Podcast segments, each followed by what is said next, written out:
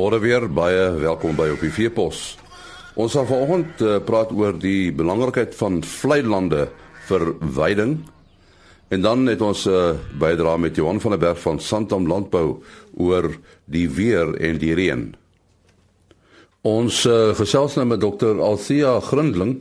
Sy is 'n senior vlei land navorser by die Landbou Navorsingsraad. So 'n bietjie praat oor uh, oor vlei lande veral omdat Februarie en ek seker is 'n vlei land maand is. Nou, ek dink op die 2 Februarie was dit vlei land dag, wêreld vlei land dag. Hoekom is vlei lande belangrik as ja? Enie baie dankie vir die geleentheid. Eerstens dink ek moet ons begin om te sê vlei lande produseer nie water nie. Uh vlei lande is 'n uitdrukking van waterbeweging in die landskap en dit is hoekom hulle belangrik is. So ons moet weet hoe die water in die landskap beweeg sodat ons daai ingeligte besluite kan neem oor landgebruikpraktyke in opvanggebiede. Nou as ons maar net dink vlei lande is deel van daai ekologiese infrastruktuur. Met ander woorde, dis daai areas wat nat is. En nou dink ons, maar hoekom sê ons dis ryk aan biodiversiteit as party van daai sisteme maar net deur riete, jy weet dat daar net riete groei. Maar ons vergeet daai riete is eintlik aangepas en al die ander vlei landplante groei om in nat gebiede voor um, te kan groei. En hulle bied daai belangrike habitat vir voëls en vir diere. Nou as ons dink aan die wildbedryf daar sekere spesies wat dan daar sal voorkom soos jou waterbokke en jou rietbokke. En in jou voorlewe wat natuurlik ook daar ehm um, aangepas is vir dit. Ehm um, en dan waar in die vlei lande gee ons dan toegang tot water. Nou in hierdie tyd wat ons nou die droogte ervaar, ehm um, weet ons dat in die wintermaande kan die vleie vir ons waardevolle veiding gee maar die vleie gebruik ook water. Dis ook iets wat ons moet vir mekaar sê. Ehm um, maar in die wintermaande gaan die plante groei amper in 'n rusfase in en dit is hoekom daai ehm um, winterweiding ook belangrik is. So en 'n sekere sin moet landbou landsvleilande uh, bestaan maak. Definitief saam uh, met die vleilande bestaan maak. Dink jy dat boere genoeg bewus is van die waarde van vleilande? Wel, ek dink baie die afgelope 10, 15 jaar het baie bewusmaking in ons land plaasgevind oor die rol van vlei lande. Ehm um, ek dink op sigself hierdie boere ehm um, met met al hierdie media blootstelling is en en baie artikels wat in tydskrifte uitgekom het, is hulle baie meer bewus as vroeër. En dan eerstens moet ons dalk net ehm um, dit uitlig dat hulle moet bewus wees van ons nasionale wetgewing wat vlei landbewaring voorstaan. En ek dink dit was ehm um, redelik die afgelope tyd ook ehm um, baie het, het dit na vore gekom. Nou julle spesifieke projekte, navorsingsprojekte oor vlei lande in die landbou, vertel ons daarvan. Wel ons fokusarea, myne spesifiek vir my navorsing is in KwaZulu-Natal gewees vir die afgelope 10 jaar. Ehm um, die resultate wat ons nou heidaglik gepubliseer het, was 'n uh, hidrologiese model wat ons gedoen het vir die area tussen Tembe tot by Kosi Bay. En die navorsing het daar gefokus op die waar kom die vleie voor en watse tipe vlei lande is daar en wat is die prosesse wat dryf dat hulle daar is.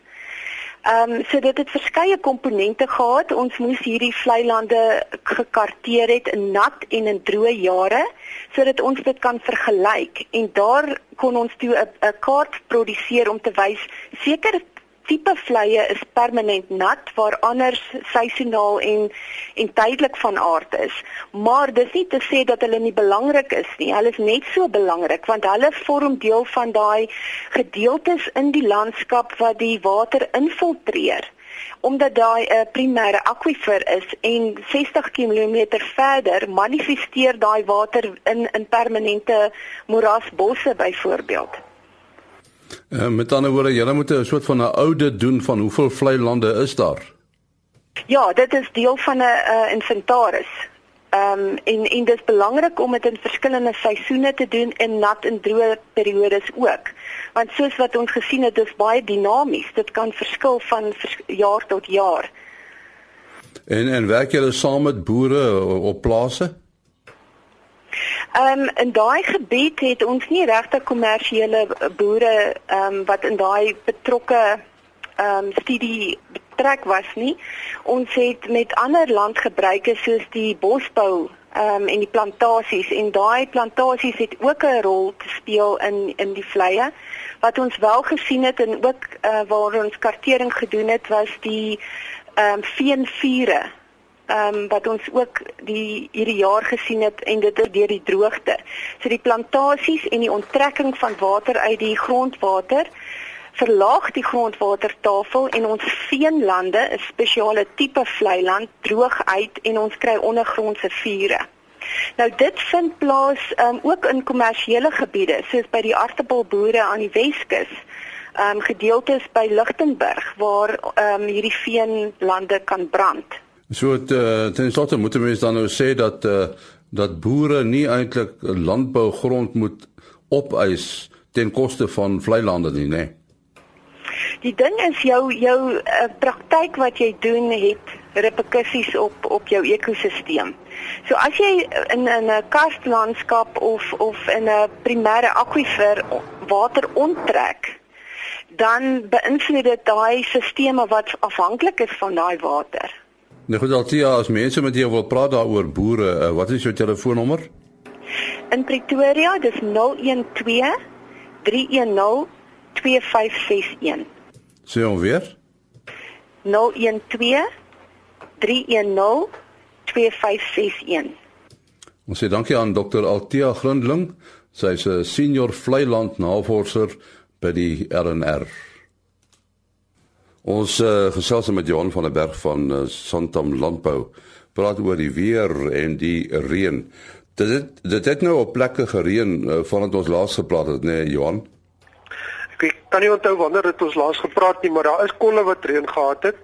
Ehm uh, meer oor die verre oostelike gedeeltes en interessant na die westelike gedeeltes en die laaste hier uh, in die laaste paar dae meer hier oor die suidoostelike gedeeltes van die land ook. So daar is kolle wat reën gehad het, maar daar's die belangrike gemielie-gedeeltes uh, of kom ons sê die somergraan gedeeltes het oor die algemeen bitter min reën gehad. Dan praat ons van die Noordwes Vrystaat, groot gedeeltes van uh, van Noordwes provinsie, van die Noordwes provinsie en dan gedeeltes van Mpumalanga ook. So daar is redelike uh krities dat dit nou begin uh in hierdie gebiede veral want die mielies begin uh, redelik groot word so en daar is elke dag skade veral met die hoë temperature. So alhoewel dit gereën het, was dit maar baie kol kol en nie op die kritiese gedeeltes as ons kyk na die somergraanoes nie. En uh, hoe lyk die vooruitsigte vir reën? Ehm um, dit lyk tog asof as 'n mens na die korttermyn voorspellings kyk, uh dat die laaste week van Februarie en die eerste week van Maart uh oor veral die sentraal na westelike gedeeltes uh dat daar 'n redelike kans is uh dat daar 'n klompie reën kan voorkom. Uh meer ooste kant toe kan ook in die volgende week of twee reën kry, maar uh, dit lyk veral dat die laaste week van Februarie en eerste week van Maart uh, dat daar 'n redelike kans is. Nou die probleem is net met die baie hoë temperature wat tans oor groot gedeeltes voorkom uh kry die oeste en die weiding kry groot skade elke dag uh wat wat daar wat dit droog is en dit nie reën nie. So uh, alhoewel die vooruitsigte verbeter het, uh gaan dit nog regtig waar nie 'n baie groot verskil maak in die oes soos wat dit nou lyk nie en daar uh, kry die oes redelike groot skade. Uh, Johan, wat is dit wat die hoë temperatuur veroorsaak? Dit kan tog nie die son wees nie want hy het 'n soort van 'n konstante uitstraling is die atmosfeer, nê? Nee? dit gaan maar saam dat die, hier 'n baie sterk hoëdrukstelsel uh die land domineer. Uh en dit veroorsaak dalende lug. Uh, die die die lug self is ook baie droog. So jy kry baie direkte straling van die son. Uh veral hierdie tyd van die jaar is tradisioneel ehm um, kry ons redelik reën en is die lug is vogtig en dit beperk tog ook die die straling tot 'n mate. En dit kan maar waarskynlik twyk te wees nog aan die El Niño verskynsel. Ehm um, wat veroorsaak dat die hoëdrukstelsel hier uit die weste uh redelik sterk dominerend is. Ehm um, as ons terwyl ons nou van die El Niño praat, ehm um, die El Niño het al hier teen einde November uh so begin draai, maar dit het baie stadig eintlik verswak. Ons het verwag dat dit vinniger gaan verswak. Hier op hierdie stadium as jy mens kyk waar die piek gedraai het, uh, omtrent so 3 grade Celsius warmer as normaal. Daai see temperature in in die die Nino 3.4 gebied so omtrent aan die middel van die Nino gebied en is tans nog omtrent 2.5 grade Celsius warmer as normaal. Is hierdie draai eintlik baie stadig. En ons het ook gesien die klimaatsgedeelte van die El Niño, die sogenaamde suidelike oscillasie indeks, het ook nog nie saamgespeel nie. Uh dit het nog redelik sterk negatief gebly wat wys dat dit meer na die El Niño se kant toe nog is. En die tropiese siklone in die Indiese Oseaan, taamlik stil op die oomblik? Redelik stil veral nader aan die Afrika kontinent.